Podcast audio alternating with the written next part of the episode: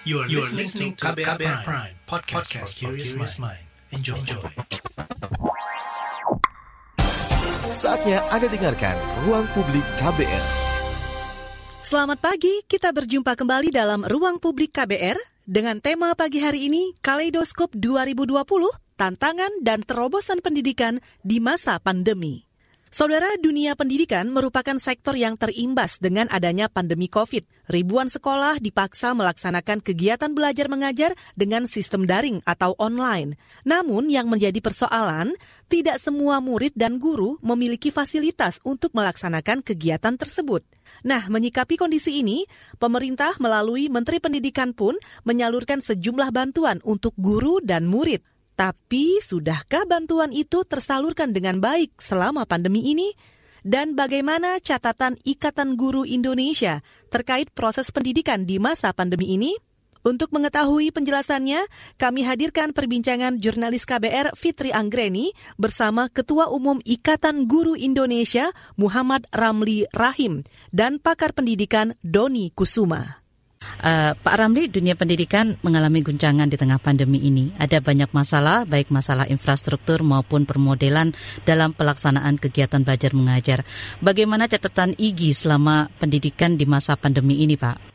Yang pertama ada kekagetan uh, dari kawan-kawan guru ketika harus beralih dari uh, tatap muka menjadi BDR atau di dunia maya. Uh, mayoritas guru tidak siap menjalani itu ada sebagian guru yang kemudian memang jauh sebelum pandemi sudah akrab dengan teknologi, bisa menyajikan pembelajaran yang baik meskipun di dunia maya, tapi jumlahnya tidak begitu banyak. Dan uh, selama masa pandemi ini sebenarnya uh, ada satu hal yang kami syukuri dari Ikatan Guru Indonesia. Karena guru-guru yang selama ini tidak mau berlatih, tidak mau dilatih, tidak mau meningkatkan kompetensinya, meskipun sudah kami fasilitasi, itu kemudian akhirnya dengan terpaksa ikut serta meningkatkan kompetensinya. Uh, meskipun ya masih rada-rada terpaksa, tapi kondisi ini jauh lebih baik daripada di masa normal di mana mereka tidak mau berubah sama sekali. Baik, jadi bisa dikatakan uh, pandemi ini uh, membawa uh, sisi baik di mana guru ya, terpaksa begitu ya Pak ya untuk belajar menggunakan ya. teknologi ya Pak ya. Kami di IGI dalam tiga bulan pertama saja itu membuat 1.845 pelatihan. Uh, kemudian uh, itu melibatkan uh, lebih dari 500 ribu guru dalam uh, tiga bulan pertama karena antusiasme guru-guru untuk uh, menyajikan pembelajaran yang menarik dan menyenangkan. Ada yang dengan terpaksa, tapi ada juga yang memang sudah terbiasa. Jadi kawan-kawan guru yang sudah terbiasa ini cenderung menjadi pelatih, dan yang dilatih adalah mereka-mereka yang memang secara teknologi tertinggal. Apakah persoalan yang uh, diamati oleh IGI itu lebih ke persoalan teknologi, Pak? Persoalan, Bagaimana dengan persoalan uh, utama sebenarnya persoalannya ada di pemerintah soal hmm. regulasi dan sebagainya. Jadi kami itu ketika pandemi ini berjalan merasa ada antusiasme guru untuk belajar, kami ingin sekali sebenarnya membayangkan waktu itu ini akan jauh lebih efektif ketika semester awal 2020-2021 itu difungsikan atau dimaksimalkan untuk peningkatan kompetensi guru. Di situ sebenarnya pikiran kami di awal. Kenapa? Karena saat sampai bulan Mei itu survei uh, Kemdikbud sendiri menunjukkan bahwa lebih dari 60% guru di Indonesia itu tidak mempunyai kemampuan sama sekali menggunakan teknologi dalam pembelajaran. Jadi bisanya hanya SMS dengan telepon gitu. Jadi uh, melakukan pembicaraan di WhatsApp pun pembelajaran di WA pun mereka nggak mampu gitu. Jadi jumlah ini jumlahnya sangat besar dan ketika hal itu dipaksakan oleh Kemdikbud maka yang terjadi adalah uh, proses pembelajaran yang seadanya. Padahal waktu itu kami berpikir, ya ini kesempatan untuk meningkatkan kompetensi guru, kemudian kesempatan untuk mengukur sejauh mana sebenarnya kemampuan anak didik itu menerima materi secara online. Kemudian dengan keterbatasan guru itu, sebenarnya apa sih yang bisa dilakukan sehingga tetap bisa maksimal, tetapi tidak membuat uh, siswa dan juga orang tua menjadi stres. Dan ini kan kemudian uh, Kementerian Pendidikan dan Kebudayaan beberapa hari lalu kemudian mengumumkan uh, SKB 4 Menteri yang menyerahkan sepenuhnya ke kepala daerah. Sekaligus mengakui bahwa pembelajaran selama hampir satu semester ini gagal total. Gitu. Ya bahkan menimbulkan stres kepada siswa, uh, menimbulkan bunuh diri malah, gitu. Uh, ada orang tua yang karena stres kemudian membunuh anaknya. Ini kejadian-kejadian semua yang terjadi di masa uh, pandemi ini. Nah, kalau kita lihat infrastruktur kan menjadi masalah di beberapa daerah terluar masih ditemukan ada warga atau murid yang tidak bisa mengakses uh, internet. Sebenarnya gitu, gini, Mbak, di daerah-daerah terluar itu masalahnya lebih sederhana. Kenapa? Karena memang tidak ada kan gitu, tidak ada jaringan internet sehingga uh, uh, pemerintah daerah dan sekolah itu mengambil keputusan untuk tidak membuat pembelajaran. Masalah terbesar sebenarnya daerah abu-abu gitu daerah yang signal itu muncul tidak muncul gitu. Itu daerah yang paling bermasalah dan menimbulkan stres. Karena seperti ini kasusnya. Jadi si A ini, si, si siswa bersangkutan ini misalnya, itu di sekolah baik gitu. Punya kemampuan e, rata-rata bagus lah. E, kalaupun dia tidak paling bagus ya. Tetapi pada saat pembelajaran online, itu di rumah tempat dia tinggal, itu jaringan kadang ada, kadang tidak ada. Jadi mau bilang tidak ada, ada. Mau bilang uh, tidak ada, iya kadang-kadang sih gitu akhirnya dia kesulitan untuk mencari referensi-referensi yang bisa mendukung dia mengerjakan tugas-tugas. Sementara di sekolah itu jumlah tugas tidak sedikit ya. Jadi misalnya 16 guru memberikan 16 satu soal satu satu tugas saja masing-masing guru maka ada 16 soal yang diberikan. Ketika itu berjalan minggu pertama, si A ini yang siswanya sebenarnya pinter gitu, itu sudah tertinggal beberapa karena tidak mampu menggunakan fasilitas seperti teman-teman yang lain. Tertinggal tiga misalnya, kemudian minggu depan tertinggal empat, minggu depannya tertinggal lagi, minggu depan tertinggal lagi. Akhirnya terakumulasi itu tertinggal tugasnya, sementara dia lihat kawan-kawannya yang lain itu lancar-lancar saja. Malah ada orang tua kan yang bisa bayar guru les, bisa mem membayar orang untuk membantu anaknya. Tapi yang bersangkutan tidak bisa sama sekali. Karena stres, depresi, kemudian akhirnya uh, di kejadian di gua itu ada seorang anak yang memvideokan dirinya bunuh diri dengan minum racun gitu. Ini tekanan dan kemudian dia juga sempat minta ke orang tuanya dibelikan kendaraan supaya maksudnya dibelikan kendaraan supaya dia bisa menuju ke tempat yang ada signal gitu. Tapi karena orang tuanya bukan orang mampu, ya lagi-lagi itu jadi kendala. Akhirnya langkah terakhir yang diambil ya bunuh diri. Nah semua ini terjadi karena keengganan pemerintah pusat untuk menggeser tahun ajaran baru kami di bulan Mei itu sudah meminta ke pemerintah pusat untuk menggeser tahun ajaran baru. Kalau tidak ke Januari ya ke bulan September lah, Oktober gitu. Maksudnya kita saat itu adalah ada ruang dan waktu di mana guru-guru itu bisa dipersiapkan dengan sebaik-baiknya untuk menyajikan pembelajaran yang menarik dan menyenangkan. Itu satu. Yang kedua, ada waktu untuk mengukur sebenarnya pembelajaran efektif di dunia maya itu seberapa lama sih gitu. Sehingga guru tidak memaksakan untuk belajar lama atau pemberian tugas. Sebenarnya apa sih tugas yang bisa diberikan ke siswa supaya siswa bersangkutan itu masih normal untuk menyelesaikan tugas-tugasnya. Kemudian guru sendiri masih zaman ngajar itu berapa lama sih gitu? Apakah satu jam, dua jam, tiga jam masih masih merasa nyaman mengajar? Jangan-jangan gurunya hanya satu jam pertama, kemudian memberikan tugas ke siswanya. Atau mungkin hanya 15 menit pertama, kemudian memberikan tugas ke siswanya. Ini yang tidak diperhitungkan sama oleh pemerintah, dan kemudian memaksakan keadaan untuk menjalankan uh, proses belajar mengajar dan pada akhirnya terjadilah kesia-siaan. Yang kami maksud kesia-siaan adalah hasil yang kita peroleh akhirnya adalah kegagalan. Dan ini diakui oleh Mendikbud.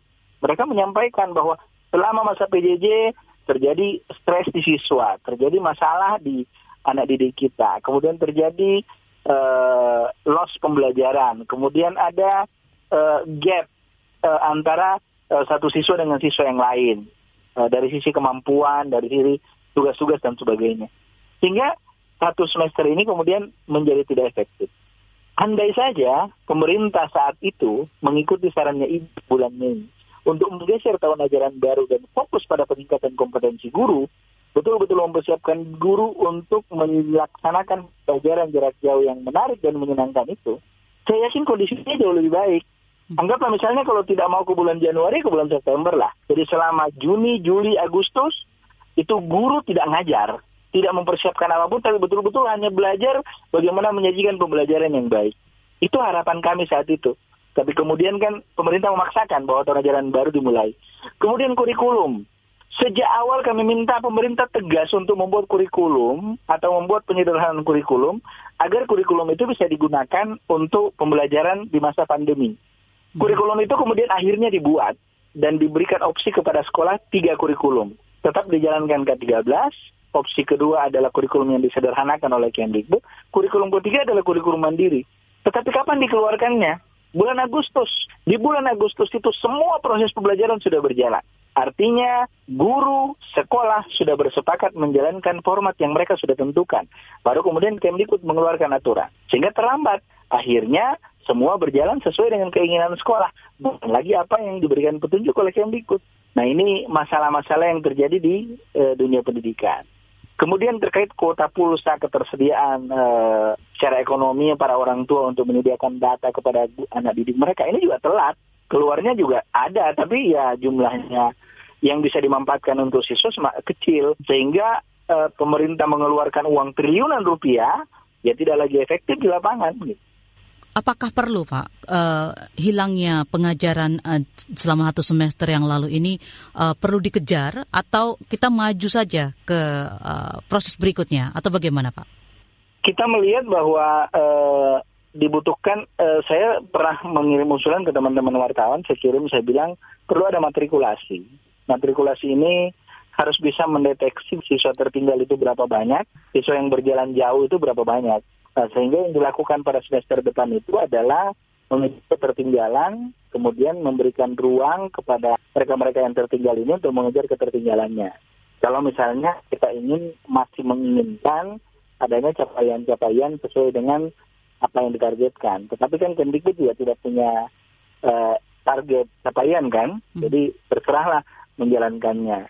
Itu yang dilakukan oleh Kemdikbud. Sehingga ya menurut kami ya satu bulan ini dianggap tidak ada apa-apa gitu ya. Nanti satu semester ini, nanti semester berikutnya kemudian proses penilaian dan seterusnya dilakukan. Menteri Nadiem sendiri kan uh, punya beberapa poin yang uh, direncanakan dalam dunia pendidikan di tanah air, salah satunya digitalisasi, Pak. Nah, menurut Anda apakah ke depannya digitalisasi dunia pendidikan ini bisa benar-benar terwujud, Pak? Digitalisasi itu komplit, uh, tidak sekedar berpikir mengadakan device ya jadi ini yang sebenarnya salah di pemerintahan selama ini. Uh, saya punya pengalaman soal soal device ini.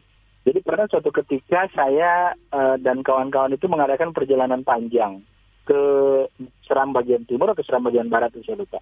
Saya kami perjalanan dari Masri itu ke sana itu satu hari satu malam gitu ya. Ketika pulang kami uh, ngamen. Yang ngamen itu istilahnya kami ya. Mengunjungi sekolah yang tidak kami kenal sama sekali mampir di sekolah itu kami kemudian menemukan satu sekolah yang punya komputer laptop itu yang sudah lebih dari dua tahun itu tidak dibuka segelnya sama sekali. Kenapa tidak dibuka? Karena seluruh guru yang ada di tempat itu tidak ngerti bagaimana mengoperasikan laptop itu, termasuk kepala sekolah. Karena kepala sekolah takut rusak, akhirnya diputuskan tidak dibuka. Nantilah setelah teman-teman ada di situ, kemudian berjanji ke kepala sekolah untuk melatih semua guru dalam dua hari, baru kemudian dibuka. Nah kalau alat-alat ini kemudian device-device ini diberikan ke sekolah tanpa didampingi dengan penguatan kapasitas penggunaannya, tidak ada gunanya.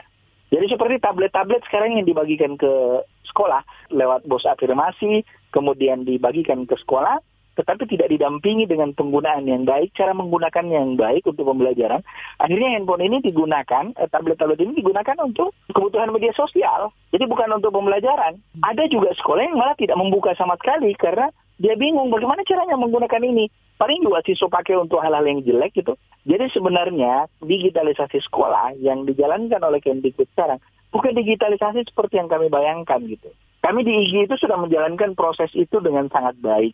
Jadi proses digitalisasi itu sudah jalan sebenarnya di kita. Tapi kita fokus bukan mengadakan alatnya. Saya fokus bagaimana guru itu memiliki kemampuan penguasaan bagaimana menggunakan teknologi untuk pembelajaran. Di segmen berikutnya, masih kami hadirkan penjelasan Ketua Umum Ikatan Guru Indonesia Muhammad Ramli Rahim. Tetaplah di Ruang Publik KBR. Masih Anda dengarkan Ruang Publik KBR. Anda masih mendengarkan Ruang Publik KBR. Kami lanjutkan perbincangan jurnalis KBR Fitri Anggreni bersama Ketua Umum Ikatan Guru Indonesia Muhammad Ramli Rahim.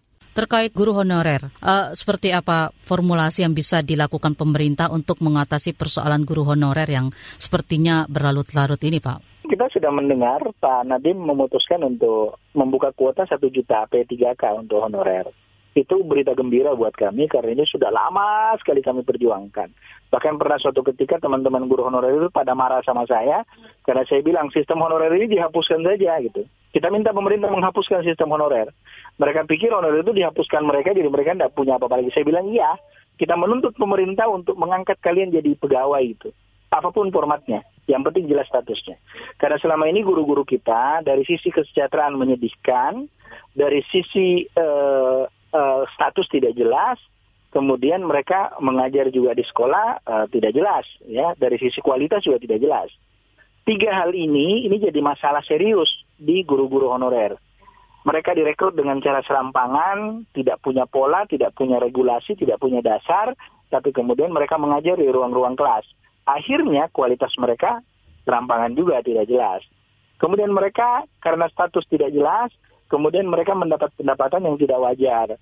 100 ribu, 200 ribu, 300 ribu. Hasil survei kami di IG itu 96 persen guru di Indonesia itu memperoleh pendapatan di bawah 2 juta rupiah. Artinya jauh dari angka hidup layak. Tiga persoalan ini dari sisi kualitas, dari sisi status, dari sisi pendapat, dari kesejahteraan, ini kemudian Alhamdulillah kemarin Pak Nadiem mengumumkan untuk membuka kuota 30 persen. Satu juta untuk P3K. Itu kami sudah menyampaikan terima kasih ke kementerian, uh, dan akan mengawal kawan-kawan guru non PNS ini untuk mempersiapkan diri mengikuti P3K. Kenapa kami sudah bersyukur meskipun bukan PNS? Karena ini sudah jalan lebih baik dibanding mereka tidak jelas status dan sebagainya. Kemudian uh, terkait itu uh, kami dari Ikatan Guru Indonesia masih sangat sepakat bahwa kualitas menjadi nomor satu. Jadi tidak serta merta honorer itu harus diangkat jadi pegawai negeri semuanya. Tidak. Kalau mereka tidak memiliki kualitas, jangan masukkan ke ruang-ruang kelas. Karena mereka akan menjadi uh, pendidik anak-anak kita di masa depan. Kalau mereka salah mendidik, mereka salah memberikan teori dan sebagainya, maka itu akan berdampak 15 tahun atau 20 tahun ke depan. Tidak langsung sekarang. Dan kita kan juga bersepakat, kita tidak akan mau menyerahkan mobil BMW kita untuk dikerjakan oleh montir sepeda, gitu. Tidak tidak mau kita pas. Jangankan montir sepeda, montir yang bukan ahlinya saja kita tidak mau kalau mobil mahal kan. Nah, anak-anak kita ini generasi yang mahal seharusnya. Mereka harusnya mendapat fasilitasi pembelajaran yang baik dari guru-guru yang berkualitas kita sepakat bahwa sebaik apa pun fasilitas, sehebat apa pun kurikulum, kalau tidak dikawal oleh guru yang berkualitas, tidak ada gunanya semuanya. Tetapi meskipun fasilitas kita terbatas, kurikulum kita seadanya, tetapi kita punya guru-guru yang luar biasa, maka kreativitas bisa ditumbuhkan oleh para guru-guru itu eh, rencananya Januari 2021 nanti sekolah akan dibuka kembali dan akan belajar tatap muka, Pak. Selain penerapan protokol kesehatan apalagi yang perlu disiapkan oleh pemerintah setelah sekolah berbulan-bulan dilakukan secara uh, online ini Pak? Kami sih sebenarnya tidak yakin ya uh, sekolah ini akan dibuka semua di bulan Januari. Uh, kenapa tidak yakin? Karena COVID-19 belum berakhir. Yeah. Ya. Uh, jadi boleh jadi sekolah akan buka, kemudian tutup lagi, itu dalam waktu yang uh, tidak jelas. Uh, makanya itu tadi yang saya bilang, kita sebenarnya berharap guru itu siap dengan segala kondisi. Hmm. Makanya off dulu, mereka meningkatkan kompetensinya, istilahnya kita kalau kapal itu kan dok dulu gitu kan, gitu masuk bengkel dulu lah, servis dulu beberapa kali gitu untuk bisa menjalani proses itu. Hmm. Kenapa? Karena selama pandemi ini belum berakhir, maka proses pembelajaran di sekolah tidak jelas. Bayangkan anak ini kita masukkan, kemudian yang positif sekian banyak, kemudian ada yang meninggal dan sebagainya, apa berani pemerintah daerah menjalankan proses pembelajaran? Saya pikir itu itu uh, luar biasa. Apalagi pemerintah pusat cenderung lepas tangan. Saya menyebutnya sebenarnya pemerintah pusat ini sedang menjalankan protokol kesehatan. Yang pertama cuci tangan dengan berbagai masalah pendidikan dan melemparkannya ke pemerintah daerah. Kemudian pemerintah pusat juga uh, menjaga jarak dengan masalah di sekolah. Ya, kemudian pemerintah pusat juga uh, menggunakan masker tutup mulut dari segala pertanyaan-pertanyaan yang muncul untuk dijawab. Kenapa kalau dilemparkan ke daerah ya tidak ada lagi pertanyaan. Kan semua sudah kami derahkan ke daerah. Terserah daerahnya. Masalah daerah terjadi itu masalahnya daerah gitu. Jadi buat kami eh, sebenarnya kita melihat bahwa lepas tangannya pemerintah pusat terhadap urusan ini ya meskipun sebenarnya ya eh, memang sejak awal kewenangan itu dari pemerintah daerah.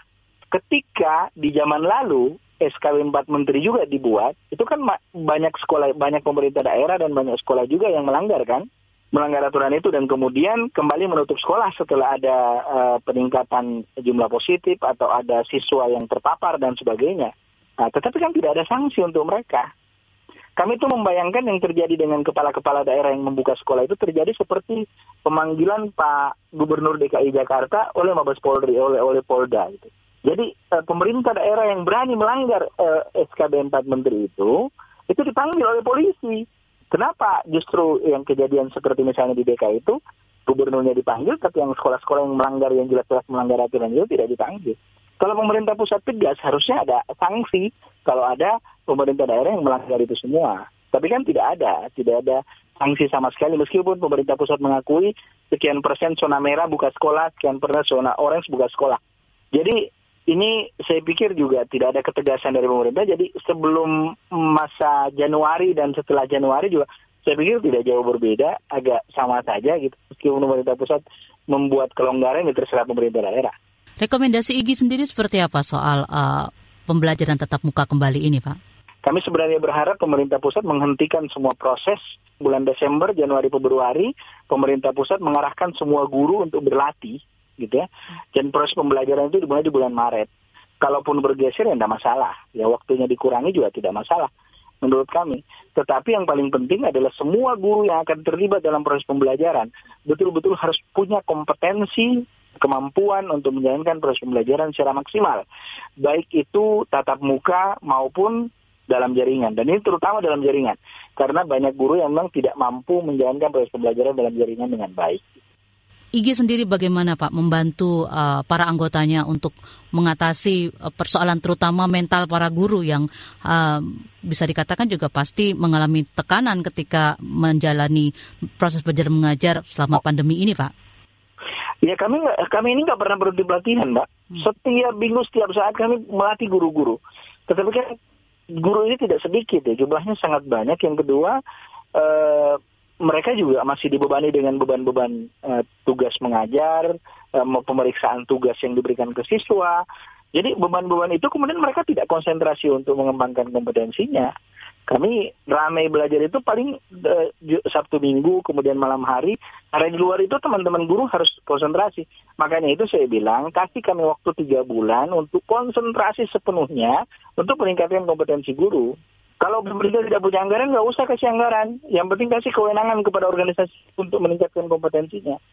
Uh, seperti apa kerjasama yang diharapkan oleh IGI dilakukan oleh pemerintah daerah dan pusat untuk uh, mengatasi berbagai persoalan yang muncul dalam uh, proses belajar mengajar di masa pandemi ini, Pak?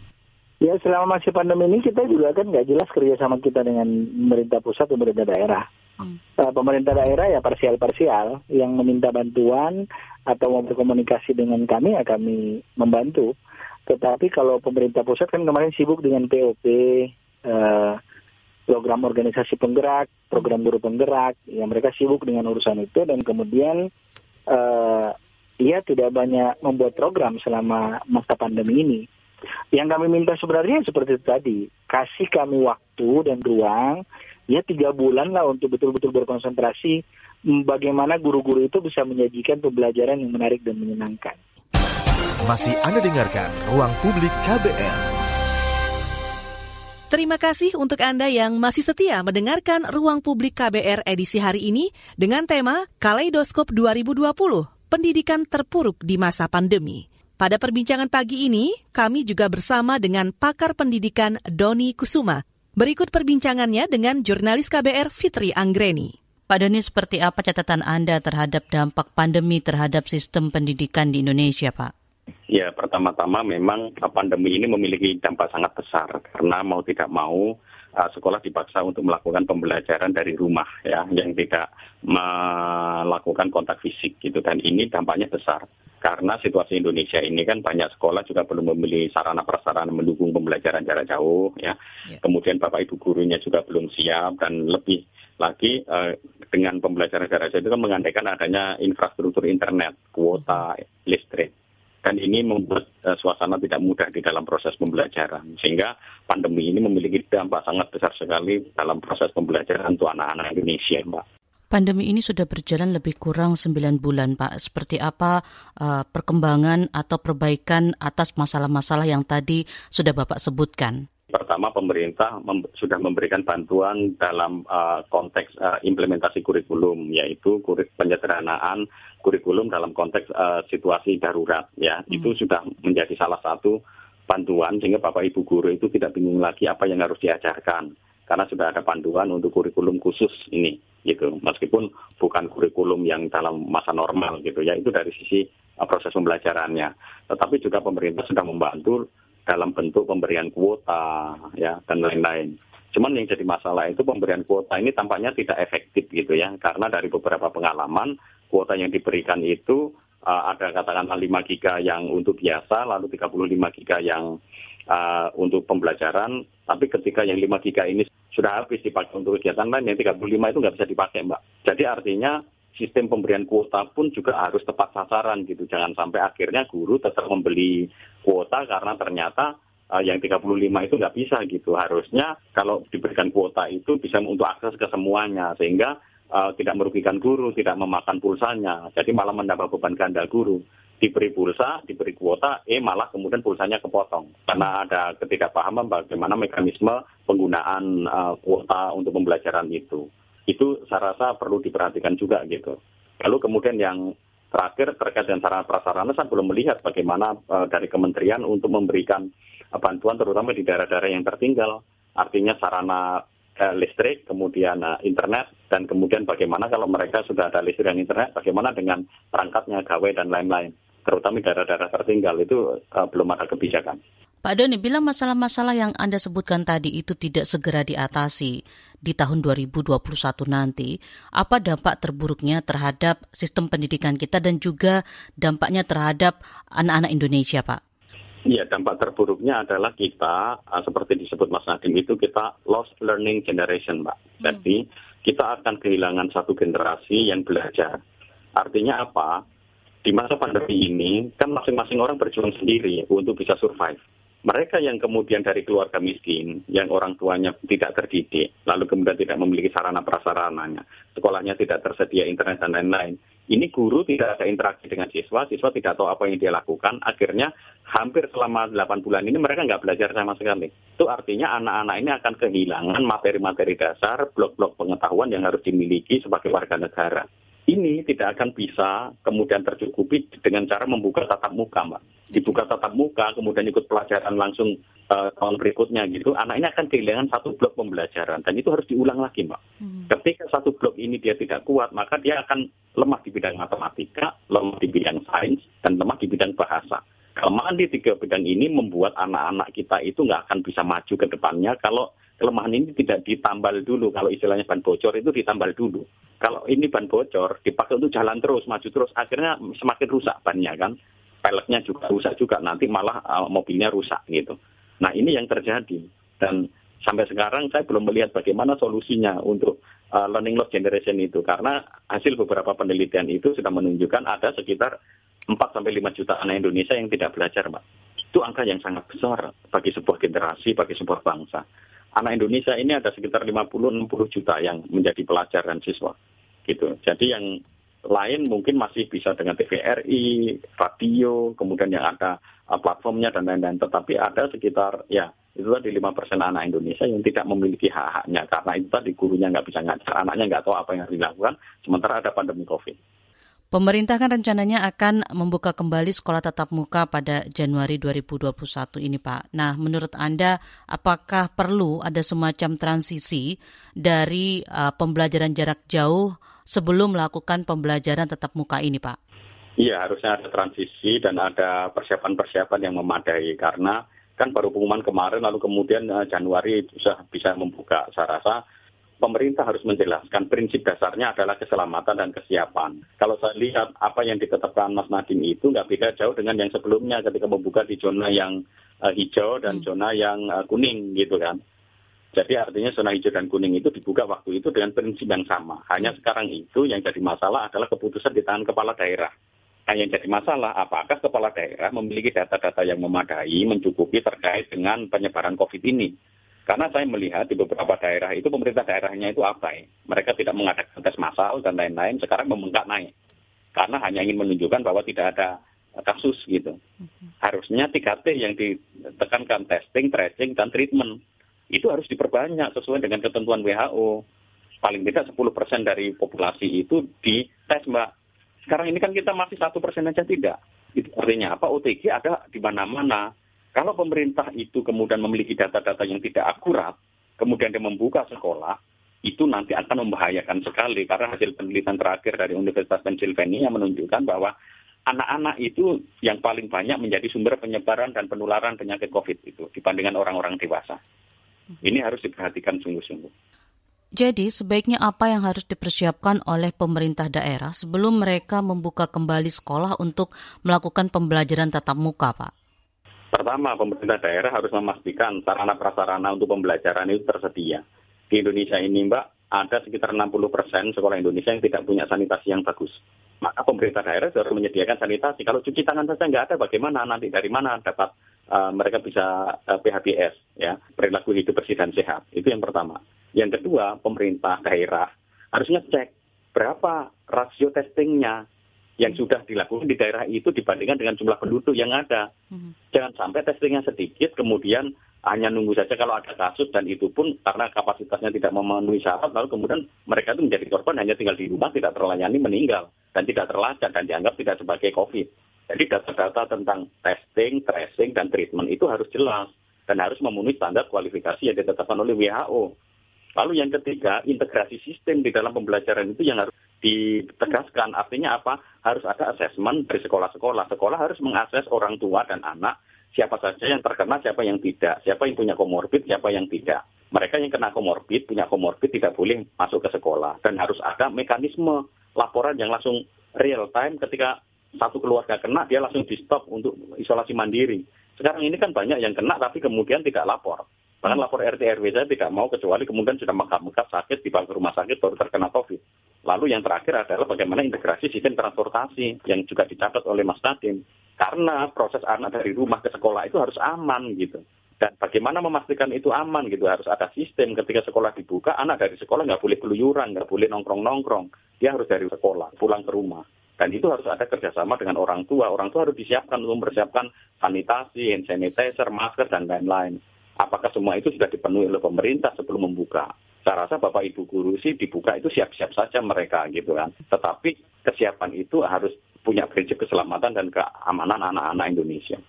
Terkait dengan orang tua, Pak, apa yang bisa mereka lakukan untuk mendapatkan semacam uh, kepercayaan dari pihak-pihak yang terlibat untuk memastikan anak-anaknya tetap aman dan sehat ketika mereka sudah mulai masuk sekolah untuk belajar tatap muka, Pak?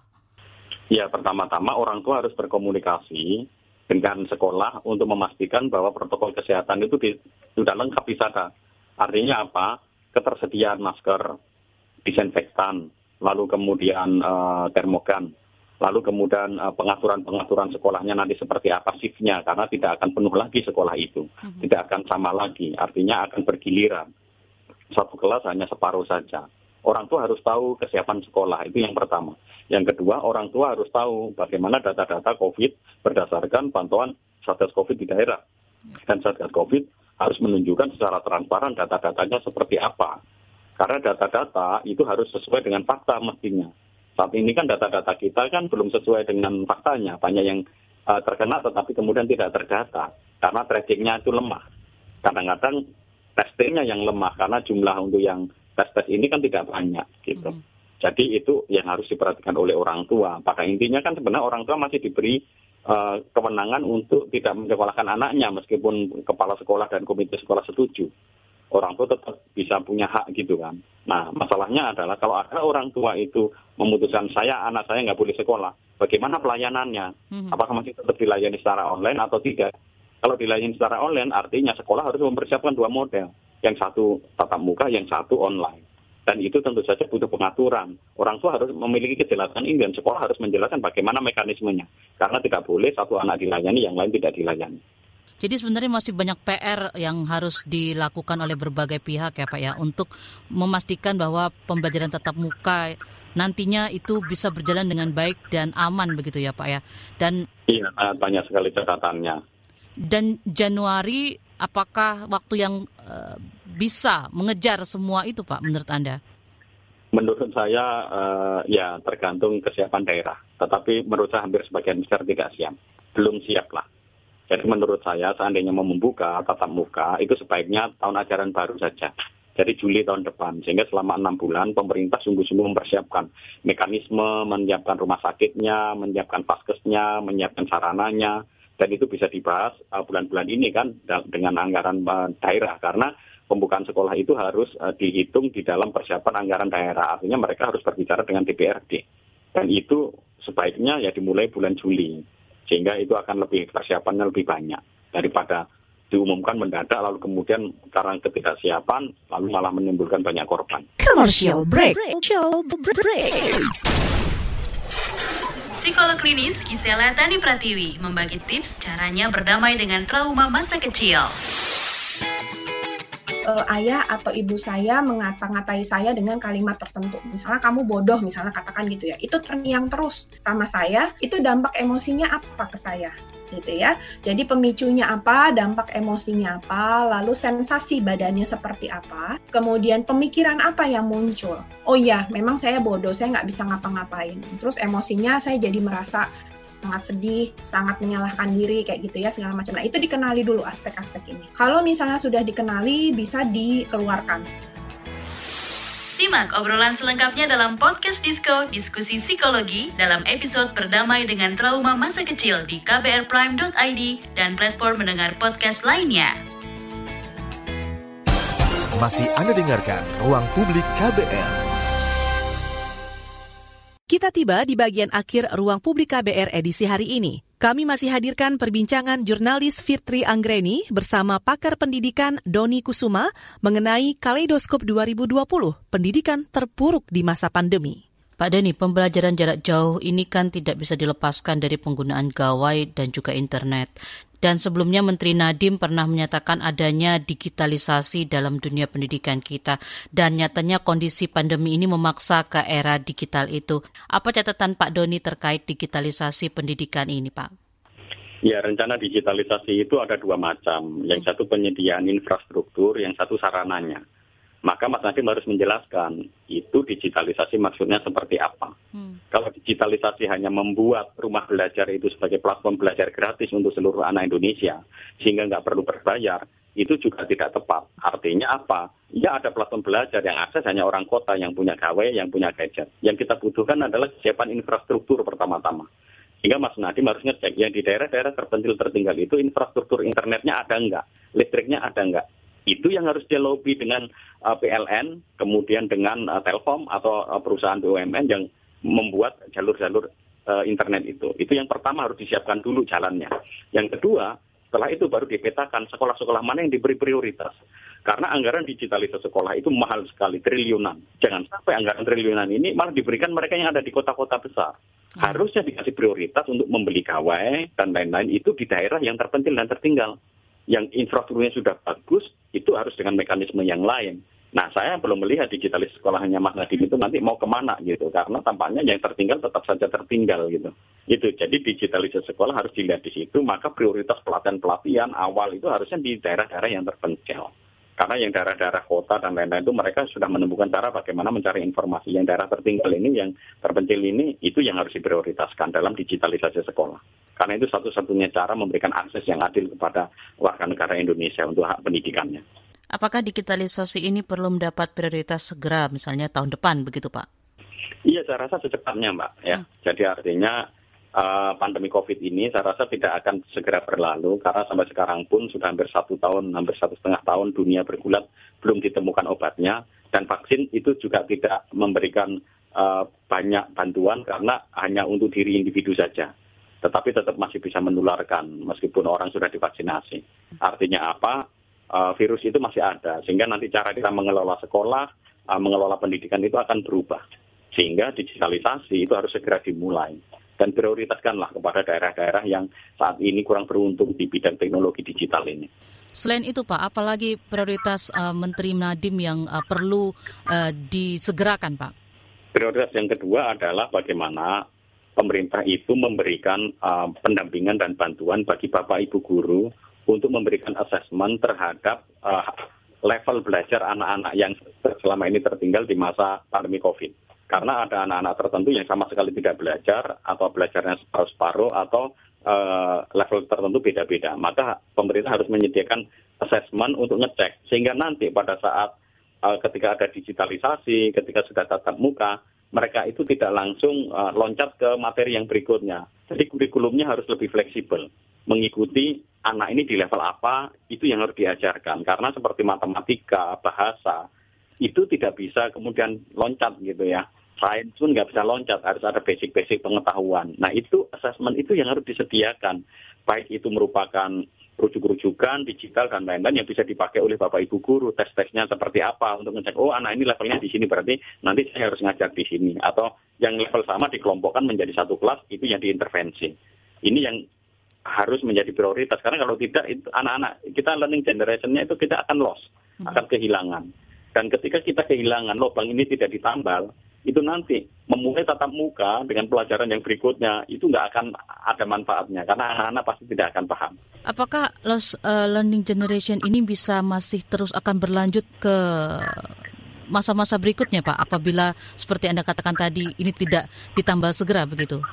Iya, sampai sekarang pun kan belum ada intervensi yang berarti terhadap uh, infrastruktur. Jadi artinya justru malah masyarakat, kepolisian-kepolisian, kapolsek dan lain-lain menyediakan wifi gratis untuk masyarakat kan. Ini artinya apa? Artinya pemerintah itu belum menyediakan infrastruktur dan sarana yang baik. Dan selama itu tidak diintervensi, ya learning generation itu akan ada terus karena yang 5 juta itu adalah daerah-daerah yang gurunya nggak tahu harus ngapain, karena nggak ada komputer, nggak ada internet, bahkan nggak ada listrik, siswanya juga nggak nggak tahu harus ngapain karena nggak ada gawe, nggak ada nggak ada listrik. Tetapi di daerahnya ada COVID-19. Itu yang harus diintervensi, Mbak. Dan sampai sekarang saya belum melihat sejauh mana gitu. Pembagian kuota itu nggak nggak menyelesaikan masalah gitu. Bahkan tadi menambah masalah, beberapa guru harus kemudian termakan pulsanya gara-gara tidak tahu mekanisme pembagian kuota itu gitu. Nah terkait dengan guru Pak, kita juga punya masalah uh, soal guru, guru honorer yang masih berlalu terlarut. Kalau menurut Anda seperti apa sebenarnya formula yang bisa dilakukan oleh pemerintah agar persoalan guru kita ini membaik dan pemerataannya juga makin menyebar di seluruh Indonesia Pak? Ya, kalau kita berbicara tentang bagaimana meningkatkan kualitas guru, ini sebenarnya tidak terkait dengan status ya honorer atau tidak honorer. Karena ada guru honorer yang kualitasnya bagus, harus diakui ada. Tapi juga ada PNS yang sudah tetap itu kualitasnya tidak bagus, itu banyak juga. Gitu ya. Jadi artinya status honorer tidak itu tidak signifikan langsung terkait dengan kualitas pendidikan. Yang menjadi indikator kualitas pendidikan adalah bagaimana kualitas guru itu sendiri. Bahwa guru honorer itu kurang sejahtera, kemudian mendemotivasi belajar, iya maka pemerintah sekarang ini kan memberikan solusi dengan uh, pegawai pemerintah dengan perjanjian kerja dengan model P3K. Kenapa P3K diambil? Karena kalau mereka yang guru honorer itu daftar CPNS tidak akan terpenuhi karena usianya sudah di atas 35 tahun. Hmm. Sehingga sejak zamannya Pak Muhajir Effendi digagas konsep P3K itu dan itu disetujui oleh Presiden Joko Widodo. Yang saat ini akan dieksekusi oleh Mas Menteri ini yang katanya akan ada satu juta. Nah, P3K ini tidak berarti otomatis guru honorer diangkat jadi pegawai negeri yang kontrak gitu, tidak gitu. Karena kita kan ingin kualitas pendidikan, jangan sampai kita justru ada kesempatan memberikan guru-guru yang terbaik masuk di dalam dunia pendidikan kita, kita malah kemasukan guru-guru yang tidak berkualitas, itu akan memperparah lagi dunia pendidikan kita. Sehingga dalam konteks P3K pun, guru-guru honorer pun harus mengikuti seleksi dan mereka yang terbaik harus segera didapatkan SK.